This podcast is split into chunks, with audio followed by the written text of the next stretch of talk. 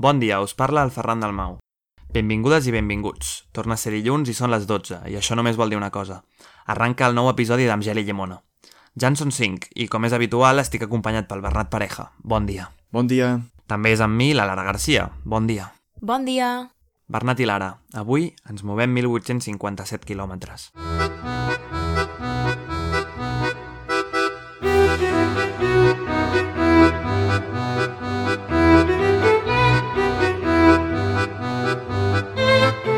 Juliol de 2019. La ciutat polonesa de Bialystok es prepara per la primera manifestació a favor dels drets LGTBI+, de la seva història. Per una banda, hi ha marxa LGTBI+. Per l'altra, la contramanifestació de radicals ultraconservadors. La manifestació havia estat prohibida per l'Ajuntament al·legant causes de seguretat. Un recurs a última hora permet que finalment se celebri. Centenars d'homòfobs ultracatòlics arriben a la zona on s'està celebrant la manifestació. La manifestació segueix el seu rumb pels carrers de Bialystok, amb l'escorta d'un gran desplegament policial. Grups reduïts intenten trencar el cordó policial sense aconseguir-ho. Es cremen banderes multicolor. Sona música, l'ambient és festiu, però sobretot reivindicatiu. S'està intentant mostrar una realitat que encara és molt invisibilitzada i rebutjada des de l'administració. Les dues manifestacions es creuen. Els radicals llencen objectes contra els manifestants, però sobretot contra la policia. Hi ha persones que fugen corrents, d'altres que s'amaguen rere la policia. A la manifestació hi ha menors. La policia intervé.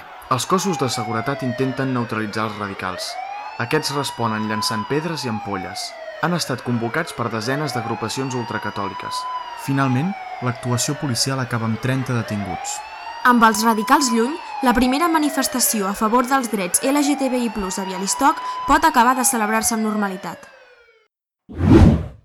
Malgrat la situació actual, Polònia va ser dels primers països del món en legalitzar l'homosexualitat, el 1932.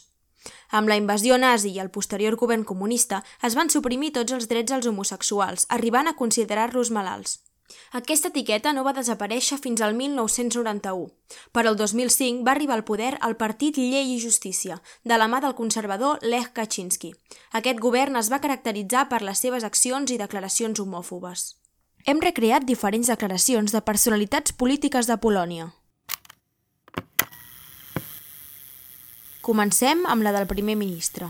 No hem de confondre la propaganda brutal de l'homosexualitat amb crides a favor de la tolerància. Es tracta d'un tipus de bogeria i ateses les conseqüències, el nostre govern serà per a ells una nit fosca. Escoltem ara què deia el ministre de Cultura. Si algú intenta contaminar els altres amb l'homosexualitat, l'Estat haurà d'intervenir.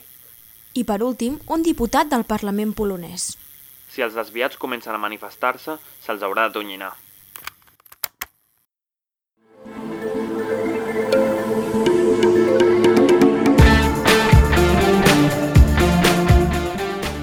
El 2007 es va proposar una llei per acabar amb la promoció de l'homosexualitat o qualsevol altra desviació en els centres educatius de Polònia. Això vol dir, al cap i a la fi, que no es pot ensenyar a les escoles cap orientació que no sigui la heterosexual. Aquesta llei va crear una gran oposició a tota Europa i va provocar les primeres manifestacions. Polònia és un estat catòlic i així ho demostra una de les seves ràdios principals, Ràdio Maria, creada després del comunisme i considerada homòfoba, racista, xenòfoba, antisemita i ultranacionalista. Un dels moments més polèmics any rere any és durant els dies de l'orgull, amb les marxes LGTBI+. La majoria, com hem sentit, acaben en aldarulls, ferits i detencions. Això les que es poden celebrar, ja que n'hi ha moltes que es prohibeixen. Una de les primeres marxes de la història recent de Polònia va ser el 2006, que es va poder celebrar gràcies a la intervenció de la Unió Europea, però no gràcies a Polònia, que en un primer moment l'havia prohibida. La tensió i la hostilitat envers la comunitat LGTBI+, és tal, i des de fa anys, que s'han arribat a crear zones lliures d'aquest col·lectiu. Oi, Ferran? Sí, així és. Desenes de petits pobles polonesos s'han declarat lliures d'ideologia LGTBI+. L'hostilitat dels polítics davant d'aquesta situació no deixa altra alternativa als membres del col·lectiu que viuen en aquests pobles que amagar-se, emigrar o lluitar dia rere dia pels seus drets. Els pobles justifiquen aquesta coacció de drets dient que Polònia és progressista, però que no accepten l'agressivitat ideològica que promou l'homosexualitat. Creuen que la lluita pels drets dels homosexuals és un concepte estranger importat dels Estats Units i de l'Europa Occidental, i creuen que posa en perill la família heterosexual que necessita ser protegida. Per molt descabellades que ens semblin aquestes idees, les elites catòliques i polítiques del país les recolzen. En un discurs de campanya, quan el president Andrzej Duda es presentava a la reelecció, va deixar anar que promoure els drets LGTBI+, com a ideologia era inclús més destructiu que el comunisme. I l'arcabisbe de Cracòvia va titllar de plaga el col·lectiu. Sí, plaga. Amb un estat còmplice i uns mitjans que callen, els membres del col·lectiu són cada vegada més reprimits i privats dels seus drets, especialment en ciutats i pobles petits on se'ls rebutja obertament sota el pretext que no encaixen o que estan debilitant la nació. Els líders del col·lectiu a Polònia exposen que molts d'ells han hagut d'emigrar i deixar enrere casa seva farts de la repressió i les persecucions. Aquests fets han derivat en violentes manifestacions als carrers de Polònia, amb enfrontaments entre els liberals i els nous skinheads, que es creuen amb el dret de fer justícia pel seu compte amb violència i amenaces.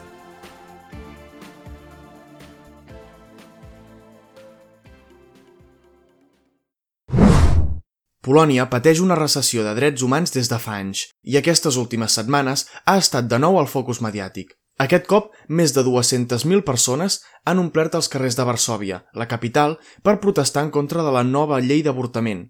La vol posar en marxa el govern ultraconservador del partit Llei i Justícia. Aquesta llei, aprovada pel Tribunal Constitucional i que ha desembocat en una de les manifestacions més multitudinàries de la història recent de Polònia, prohibeix l'avortament dels fetos amb malformacions. A més, la llei no està subjecta a l'apel·lació, és a dir, no pot ser revocada, D'aquesta manera, el partit ha aconseguit allò que porta tants anys intentant, tombar l'estat de dret i prendre el poder judicial. Organitzacions civils i diputats de tota Europa advertien que el partit Llei i Justícia estava aprofitant-se del moment crític que es vivia mundialment amb la pandèmia per limitar els drets sexuals i reproductius de les dones i també promoure la desinformació sexual entre els joves. Es denuncia que el partit va implantar la llei durant el confinament, ja que així tothom estava tancat i no es podia sortir a protestar. Polònia ha dit prou, o almenys part d'ella. Les darreres setmanes, desenes de milers de persones s'han saltat les restriccions del coronavirus per sortir a reclamar els drets que consideren seus. El govern ha reaccionat acusant-los de criminals, instant els seus afiliats a lluitar-hi en contra, per literalment defensar Polònia. Una situació molt similar a la que es va viure fa mesos amb la comunitat LGTBI+.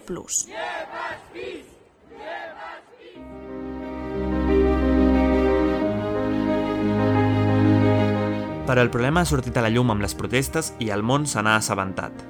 Per frenar les manifestacions, preservar la imatge de l'Estat i evitar empitjorar la situació sanitària, el govern polonès ha decidit aquest dimarts, després de gairebé dues setmanes de disturbis, fer un alto al foc han endarrerit la publicació de la llei, que estava prevista per aquest dilluns. 170 parlamentaris de 24 països d'Europa han fet una declaració urgent on declaren la seva profunda preocupació per la proposta de llei. Demanen al Parlament polonès que respecti els drets de les dones, drets com prendre les seves pròpies decisions sobre els seus cossos i les seves funcions reproductives, i alhora també condemnen la desinformació en matèria d'educació sexual que tenen els joves del país.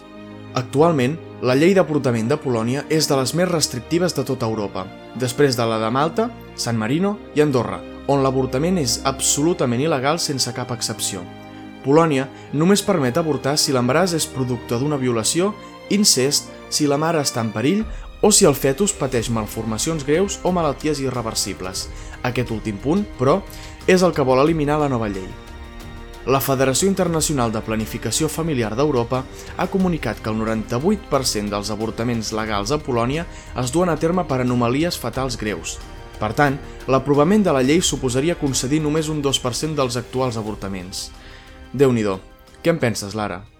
Considero que és una vergonya que avui dia encara s'hagi de lluitar a contra repressions a drets humans tan bàsics i crec que és desesperançador veure com hi ha gent que ha d'abandonar el seu país perquè l'estan perseguint per la seva orientació sexual o per la seva identitat de gènere.